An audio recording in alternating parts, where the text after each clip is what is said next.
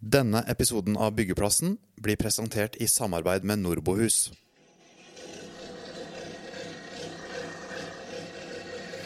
Svart arbeid, hvitvasking og mafia. Hva er det som gjør byggenæringen til ei honningkrukke for kriminelle nettverk?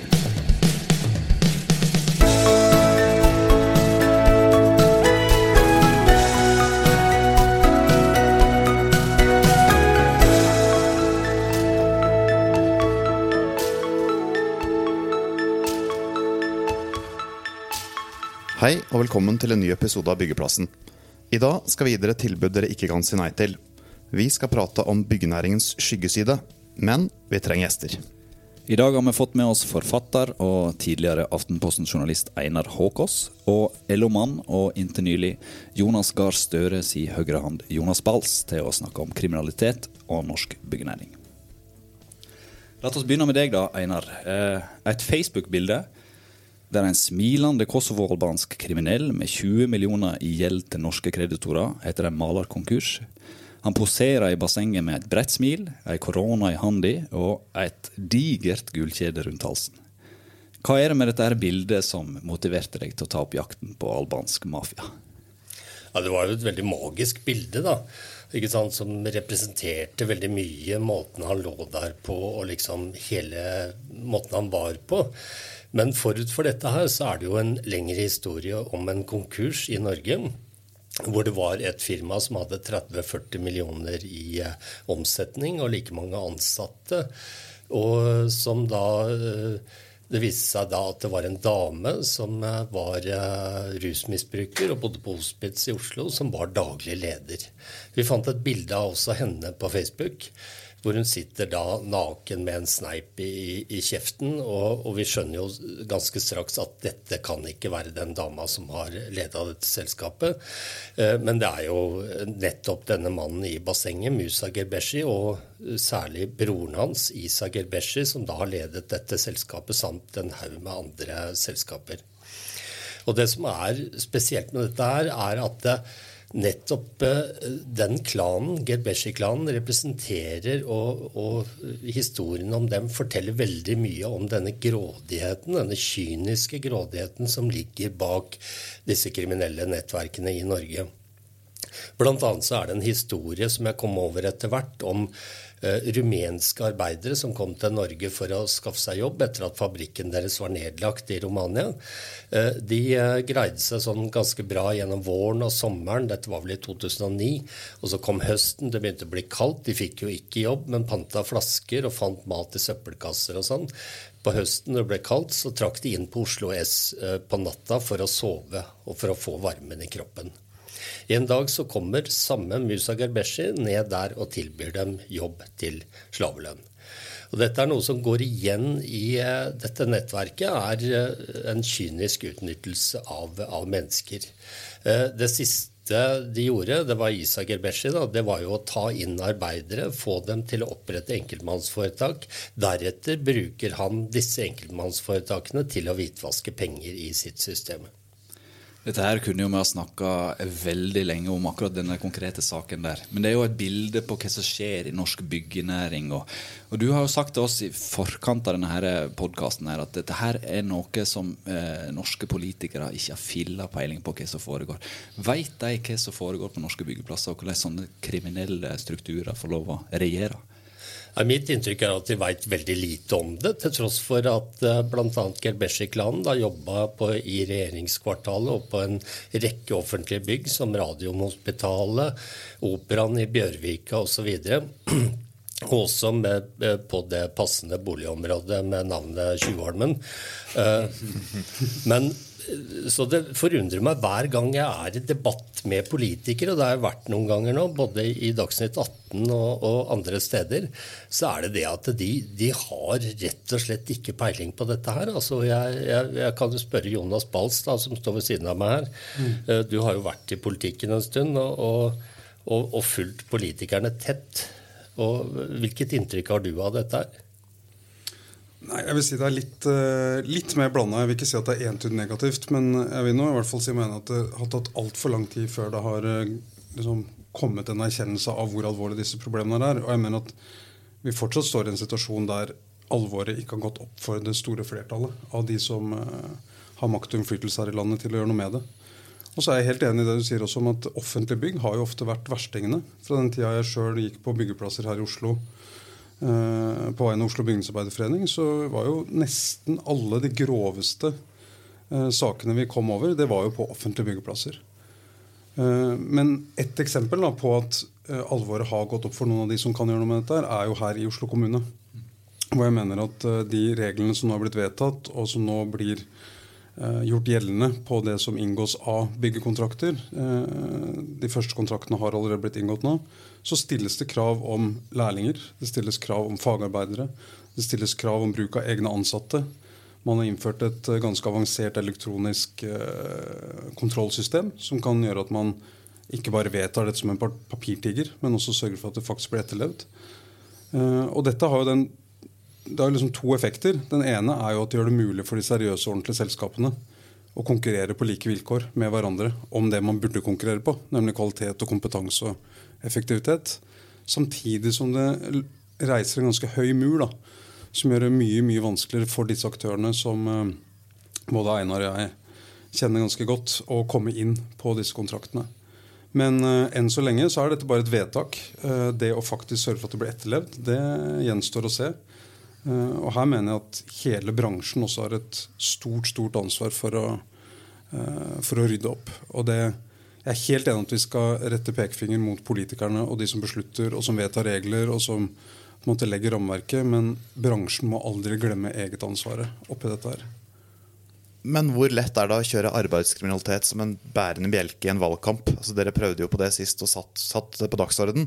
Hvor enkelt er det å få mannen i gata, velgerne, til å skjønne hvor viktig dette faktisk er for Norge? Nei, altså jeg mener jo, Man kan si mye om hvorfor det var vanskelig å få satt på agendaen. Jeg har reist mye rundt land og strand i hele Norge og snakka om disse temaene her. Eh, mye for fagorganiserte eh, arbeidere. da. Og Det jeg opplever da, er gjerne det er én av to reaksjoner. Det ene er 'herregud, er det så ille'? Det er det mange som ikke har fått med seg. Eh, den andre reaksjonen er 'dette her begynner vi å se også innafor vårt område'.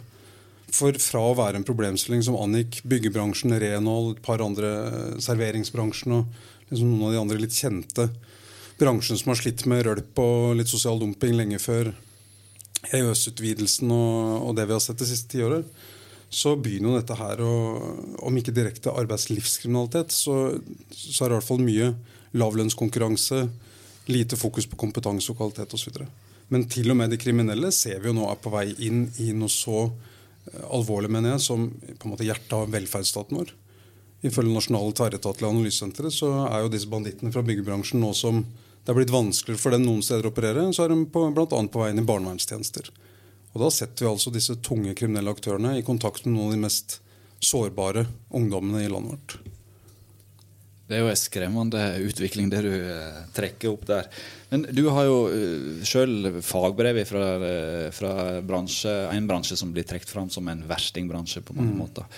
Uh, malerbransjen. Uh, kan du si noe om hvordan det var den gangen? Hvordan den bransjen har utvikla seg? Du, du, har vel sikkert sett på begge sider som utøvende òg, holdt på å si. Ja, jeg har jo fulgt dette på ganske tett hold. Og jeg syns jo det er ganske deprimerende egentlig å se åssen et fag og et fagmiljø og etter hvert en hel bransje som var prega av høy yrkesstolthet, uh, gode lønninger, gode arbeidsvilkår, uh, stolte fagarbeidere, kort sagt, på ganske kort tid ble omdanna til en bransje som i hvert fall her i Oslo mer eller mindre ble overtatt av kriminelle aktører. Og hvor det er sånn Jeg var ute og drakk kaffe med gamle malermesteren min for en stund siden. Han sier at han går rundt i malerklær. Han sier han møter eksmalere overalt. Overalt kommer det folk bort til og sier, forteller åssen de har eh, slutta i bransjen og gitt opp og ikke orker å prøve lenger. Og Vi ser jo på ungdommens søking til faget. I fjor så var det ikke nok søkere til å opprette én en eneste klasse innenfor malerfaget i Oslo. I år har det heldigvis vært nok søkere til i hvert fall opprette én klasse. Noe av det liksom vanskelig for meg er jo å både fortelle om hvor alvorlig situasjonen er, og hvor kraftig lut som må til for å få rette opp i det. Og samtidig prøve, for det mener jeg oppriktig også av hele mitt hjerte, at disse fagene har framtida for seg. Eh, det forutsetter selvfølgelig at vi klarer å snu en del av utviklinga, men, men, vi kommer uansett til å mangle titusener av fagarbeidere om få år. Og det å jobbe i byggebransjen, være utøvende håndverker, det er det så utrolig mye glede og stolthet knytta til, egentlig. Så jeg bare jeg, ja, Det er på en måte mitt livsprosjekt. Det er jo å bidra med det jeg kan i hvert fall til å prøve å få snudd den utviklingen her, og at norsk ungdom igjen også skal begynne å søke seg tilbake til, til bransjen og til faget mitt. Det, interessante som skjer i disse dager, syns jeg er faktisk dette at arbeidsgiveren og arbeidsgivernes organisasjoner eh, for første gang begynner å være virkelig aktive på banen når det gjelder eh, arbeidskriminalitet. Eh, fagbevegelsen har jo skjønt dette for lenge siden og skjønt at tilstrømning av arbeidere fra fattige land faktisk da er truende for deres lønn og arbeidsvilkår. Eh, og man kan si, sånn sett si at fagbevegelsen har hatt en, et vikarierende motiv for å, å, jobbe med disse sakene. Men det vi ser nå, er faktisk at eh, bedrifter og arbeidsgivere skjønner at de har veldig mye å tape på dette her, eh, denne utviklingen. Og, og det er ganske interessant, fordi at det vi ser er at den svarte økonomien, altså den kriminelle økonomien, trenger inn i den hvite økonomien i en så stor grad at man i eh, offentlig innkjøp av varer og tjenester faktisk begynner å bli avhengig av svart økonomi i bånn av, eh, av, kjedene.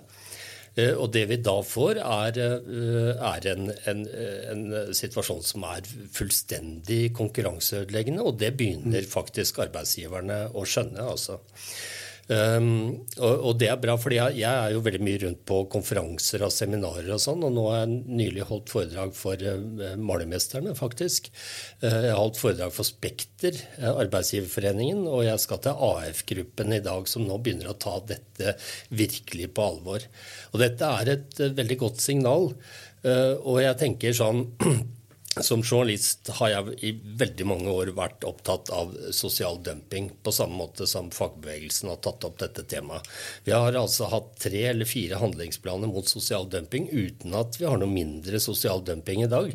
Og sosial dumping er jo også et sånt tema som er litt sånn flytende, for det er ting vi ikke liker, det er arbeidsforhold vi ikke liker, og folk som blir utnytta og sånn. Men det er jo ikke bestandig ulovlig engang. Eh, og jeg mener jo at eh, fokuset altfor lenge har vært på sosial dumping istedenfor kriminalitet. For der hvor det er sosial dumping, er det som regel spor av kriminalitet. Vi tar en liten pause for å få et par ord fra våre samarbeidspartnere. Visste du at Nordbohus bygger både leiligheter, rekkehus og eneboliger? Visste jeg vel. Kan du slagordet deres? Ja, Nordbohus er bygd for å vare. Hva mener de med det? Kundetilfredshet, byggfaglig kvalitet og tømrere som bygger hver eneste bolig med omtanke og kjærlighet, er viktige elementer i Nordbohus filosofi. Kan man ha kjærlighet i arbeidet med å bygge en bolig? Ja, det kan man visst. Og nå ønsker de flere bedrifter inn i kjeden. Sjekk ut nordbohus.no.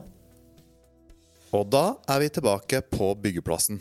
Hvor går skillet der, altså mellom sosial dumping og arbeidslivskriminalitet?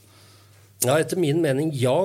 Fordi at uh, man har lenge behandla, og jeg som journalist har også behandla sosial dumping veldig mye. fordi det, det, er på en måte veldig enkelt å framstille. For du har ofre, og du har utnyttere, du har mennesker. Du har liksom en, en, en historie som berører veldig mange. da. Eh, og jeg syns også fagbevegelsen da kanskje har tippa litt over i å ha fokus på, på sosial dumping, nettopp fordi at det, liksom, det har jo en annen side også for fagbevegelsen.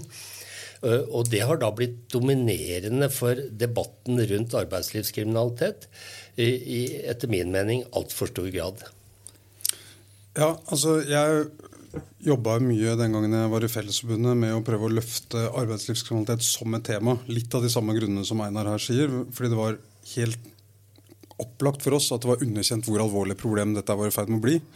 Jeg syns det er morsomt at eh, boka til Einar heter 'Svartmaling' og at det mest vellykka prosjektet Oslo-politiet har hatt, het Operasjon svartmaling. Fordi vi ble nettopp beskyldt for svartmaling, av arbeidsgiverne særlig, men også store deler av det politiske liv, da vi begynte å rope opp om dette her for omtrent et tiår siden.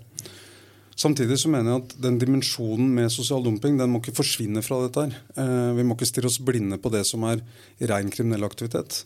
Og jeg tror En av grunnene til at fagbevegelsen eh, er så opptatt av det aspektet ved det, det Altså, man kan godt snakke om at det er vikarierende motiver, og sånn, men for meg så handler det om egentlig fagbevegelsens kjerneoppgave. Å forsvare lønns- og arbeidsvilkår, særlig for de i arbeidsmarkedet som har svakest forhandlingsmakt, som ofte eh, jobber hardest, og som kanskje ikke eh, holder hele yrkeslivet ut engang. Og som ofte allikevel gjør det til kanskje de, ikke de beste lønningene, for å si det sånn. Og Om ikke det er fagbevegelsens oppgave å forsvare lønns- og arbeidsvilkårene for nettopp disse menneskene, så har vi på en måte ikke noen, eh, noen funksjon.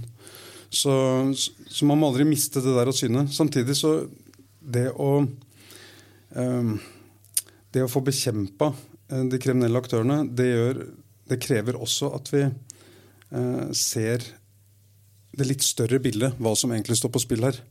For jeg tror eh, hvis du snakker om arbeidsgivernes holdninger til dette, så tenkte nok de veldig lenge på at nå får vi tilgang på masse billig arbeidskraft fra Øst-Europa. Det er en fordel for oss. Uh, og så skjønte man ikke helt de langsiktige konsekvensene av det. Verken hva det gjorde med kompetanse, rekruttering, uh, fagutdanningene våre, men også hva det gjorde med sikkerheten til disse anleggslederne og prosjektlederne sjøl. Jeg er helt enig med at altså, mer enn svart økonomi, så frykter jeg grå økonomi.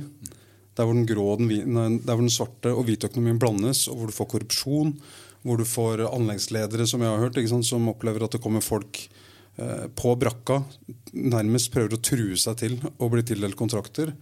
Og den type ting. Og da graver vi liksom virkelig eh, sager vi virkelig av greina vi sitter på, da, med sant, det som gjør norsk arbeidsliv bra og produktivt. Tillit til at vi kan uh, omgås hverandre, finne ut av ting uten å innføre enorme kontrollregimer som skal sørge for at dette er gjøres på en ordentlig måte. Men så sier vi jo arbeidslivskriminalitet. Mm. Er det ikke bedre å bruke etablerte uttrykk som mafia, organisert kriminalitet, kriminelle nettverk? Slår ikke de mer enn arbeidslivskriminalitet, som er litt, litt ullent? Hva betyr det? Hva ligger under det? Eh, som en politimann sa til meg for mange år siden, eh, han sa det er jo de samme folka. ikke sant? Altså, dette er folk som går inn i byggenæringen spesielt, og inn i næringslivet eh, for å tjene penger. ikke sant? Altså, de, Det er lettere for dem å tjene penger på denne måten enn å, å, å smugle heroin inn i Norge og selge det på gata. Og det gir jo da Det er minimal sjanse for å bli tatt. ikke sant? Og når du blir tatt, så er det langt, langt lavere straffer. Og hvis du driver med heroin, så uh, risikerer du å sitte inne i 20 år. Sånn at uh, inntjeningen er høyere, risikoen er mindre. Og uh, det hele tatt Det er rett og slett uh, lukrativt å gå inn i uh, byggebransjen i Norge fordi det er så mye penger som står på spill. Men likevel så har dette vært på en måte nedprioritert i politiet, etter det du har eh, forklart tidligere, eller snakket om tidligere. Men et av de eh, grepene du eh, har satt, eh, sagt til oss tidligere at det har satt eh, eller har vært en av de mest effektive. da. Det var da to konsernsjefer måtte luske den der lange veien opp til Grønland og politihuset der. Inn i avhør, fortelle om hva de vet om hva som foregår på sine byggeplasser. Hvorfor har det vært så effektivt, da?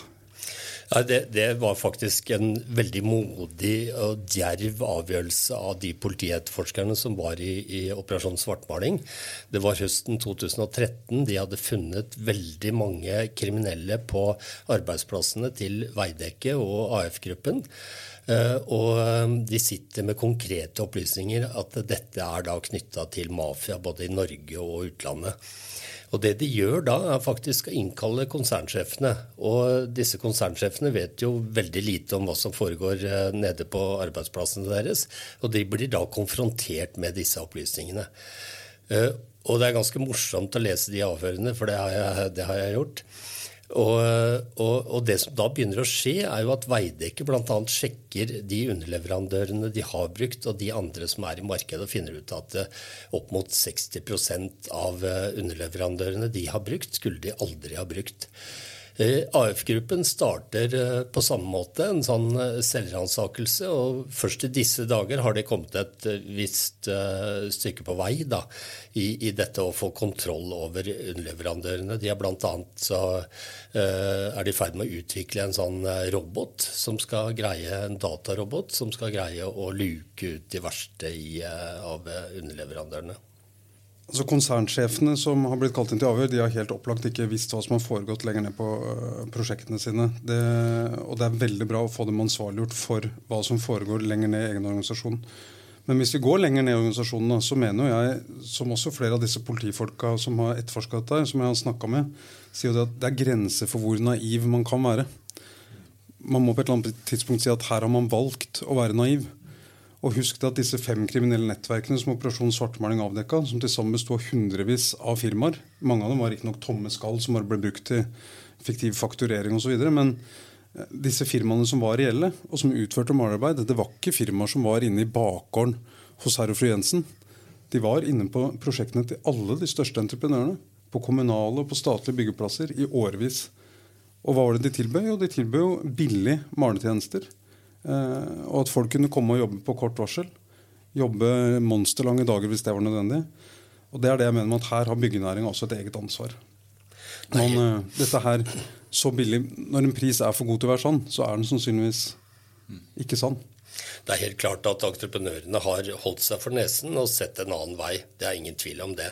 Og jeg må jo si at jeg er ganske overraska over å se den ene prosjektlederen i entreprenørfirmaer etter den andre stå i retten og vitne til fordel for eh, kriminelle. Og det er en ganske underlig opplevelse. Altså F.eks. En, en som ble tatt og dømt for hallikvirksomhet. Han ble da framstilt som en kjempeflink maler i et firma som hadde jobba på, på Nesodden bl.a. Og, og, dette er noe som går igjen. og Man kan jo tenke seg da den situasjonen som prosjektlederne er i. ikke sant? Det er kanskje på slutten av prosjektet. Eh, de har dårlig tid, truet av dagbøter, de er lønna av bonus. Og de ser at ok, nå har vi malingsjobben, det må vi få gjort fort. Og da er det disse kriminelle kan komme med en trailer full av maling og en trailer full av arbeidere og gjøre jobben i løpet av helga. Og da er det ganske fristende sant, for dem å, å, å, ty til den type, type, folk, da. Men Betyr det at strukturen i byggenæringa er som skapt for eh, organisert kriminalitet? Altså, det er deler av det som slår meg som, eh, som uh, tilrettelagt for, for, kriminalitet. Og dette er jo et, for så vidt et gammelt problem. Jeg husker jo på 90-tallet, 80-tallet, hvor det var prosjektledere i, eh, på, på, byggeprosjekter som fikk en sydenreise for seg og kona. De fikk en bil billig. Det var sånne type gaver, da, i anførselstegn, for at bedrifter skulle komme inn på, på, på byggeplassen. Men her er det også, Når du snakker om de strukturelle forholdene, så mener jeg at det kanskje er det viktigste vi kan gjøre i møte med denne kriminaliteten. her, fordi vi kommer aldri til å klare å løse det uansett hvor mye ressurser Nå mener jeg at det er altfor lite ressurser, da, både politiet og Arbeidstilsynet, i skatteetaten og andre som skal bekjempe dette. her, Så de må ha mer ressurser. Men uansett hvor mye ressurser vi tilfører dem, så kommer vi ikke til å klare å kontrollere oss ut av en ukontrollerbar situasjon. Og da mener jeg at det, Den organiserte kriminaliteten, den viktigste betingelsen for at den får fotfeste, det er at det organiserte arbeidslivet har forvitra. Og det organiserte arbeidslivet det har forvitra også fordi mange har valgt å bruke en strategi der man leier inn over en lav sko. Ikke satser på å utvikle egne ansatte, ikke satser på å utvikle fagkompetanse. Og sjøl om man nå utvikler nye redskaper for å ta de tyngste kriminelle aktørene, så gå ned på nye Nasjonalmuseet, som skal ivareta liksom viktige deler av norsk kulturarv, blir jo bygd nesten uten norske håndverkere. Og jeg mener at håndverksfagene våre også er en del av kulturarven vår. Og det, det, det, og det betyr ikke at det ikke skal være polske, litauiske eller andre arbeidere der. Men hvorfor skal de være leid inn gjennom bemanningsselskap?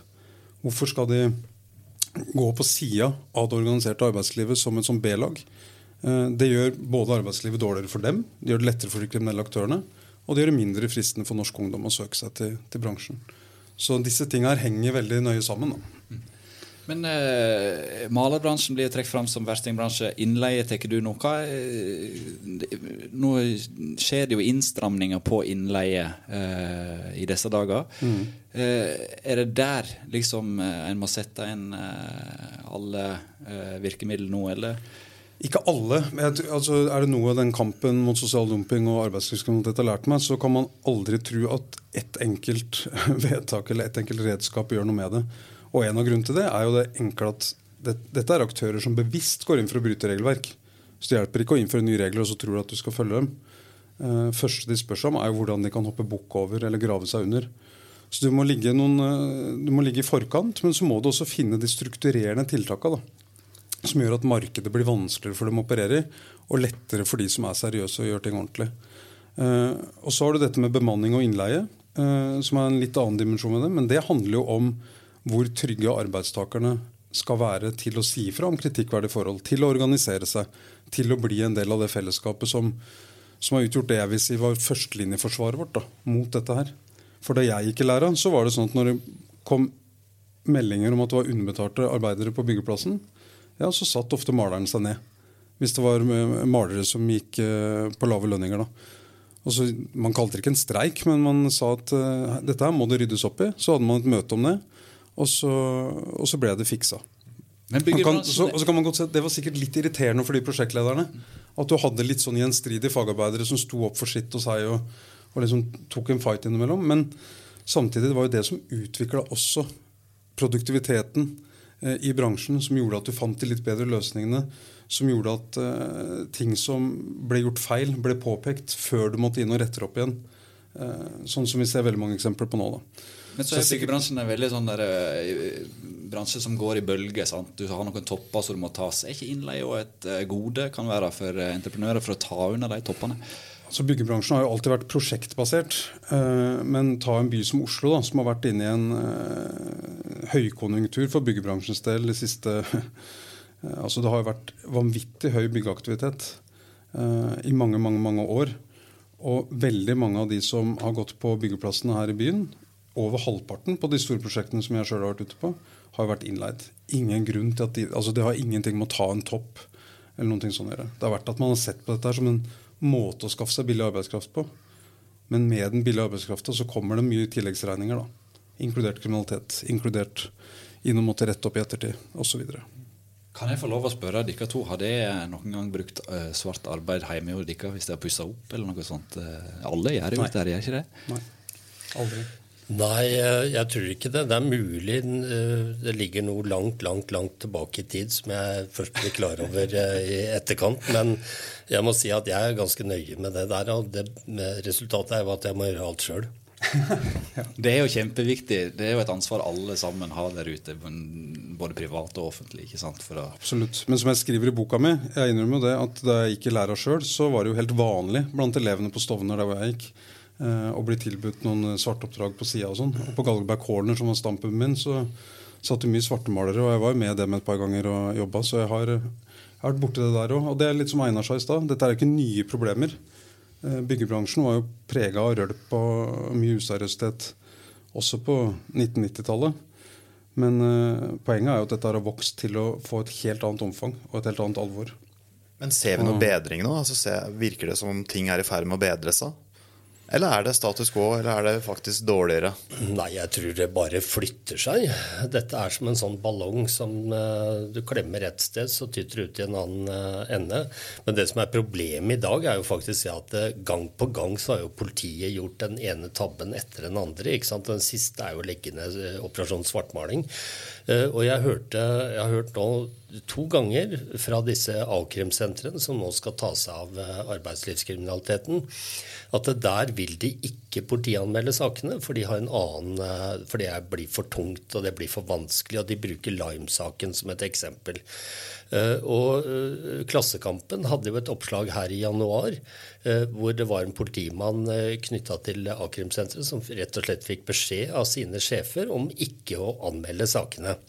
Og dette er ganske alvorlig, altså, fordi her, her snakker vi om hardbarka kriminelle, så hvor det eneste som hjelper, er å ta verdiene deres, ta penga deres, og stoppe virksomheten og plassere de bak murene. Nå tror jeg, etter hva jeg kjenner til, så har jo dette blitt uh, retta opp i etter at det ble oppslag om det, heldigvis. Eh, og det sier jo kanskje noe annet, siden vi nå står her sammen med ja, alle dere andre i rommet her er vel pressa. Eh, man skal ikke undervurdere den rolla pressa har spilt uh, i å både løfte dette høyere opp på dagsordenen, selv om det ikke står høyt nok på dagsordenen, som, som ble sagt her før. Men, uh, men det at det fins bevissthet om det, og at det fins journalistiske ressurser som også kan grave i dette, her, finne ut av ting som altså, Ta en del av de tingene som Einar har funnet ut som journalist. Det burde jo ikke vært nødvendig med gravejournalister for å finne ut av en del av disse tingene som har foregått også på offentlige byggeplasser, men det har det helt åpenbart vært. Men så vil jeg bare si, siden Einar jeg synes han er litt pessimistisk når han sier at du når vi klemmer på det, så bare tyter det ut et annet sted. Jeg håper jo og tror at hvis vi gjør ting skikkelig, og om kommuner, fylkeskommuner og det offentlige nå går sørger for at de reglene man vedtar, faktisk blir fulgt opp, så er jeg sikker på at det i hvert fall for byggenæringas del kan gjøre, være med på å snu utviklinga til det bedre. Det tror jeg er mulig, og det syns jeg er litt viktig å fastholde. fordi jeg blir litt skremt av at mange møter dette med litt sånn avmaktsfølelse og en sånn tanke om at dette får vi ikke gjort noe med uansett. Dit må vi ikke komme. Du nevner rolla journalister kan ha i det, og vi starta podkasten med å fortelle om dette her bildet av denne her eh, badende eh, kriminelle eh, vesenet i, i Kosovo som, eh, som du eh, var borti, Einar. Hva er det med han i dag? Er han eh, fortsatt eh, aktiv? Eh, Nei, han er vel eh, antageligvis i Kosovo, så vidt jeg vet, og driver en eh, møbelfabrikk og eh, et møbelutsalg i, i Kosovo. Og rett etter at han gikk konkurs i Norge, så putta han 100 000 euro inn i et aksjeselskap og kjøpte denne fabrikken. Og han tror jeg driver det eh, fint og greit eh, i, i Kosovo. Eh, Men eh, familien hans, altså dette er jo en hel klan som har vært aktiv i Norge gjennom mange år. Og familien hans er jo fortsatt i Norge. Disse fetterne og barna og fettere og, og så videre. Så aktiv er fortsatt i Norge. Ja, det er de. Og der tror jeg vi setter et malingsstrøk over denne episoden av Byggeplassen. Takk til gjestene våre, Einar Håkås og Jonas Bals. Alf Magne Hillestad har stått for teknikken, mens Christian Aarhus og Frode Aga har leda podkasten.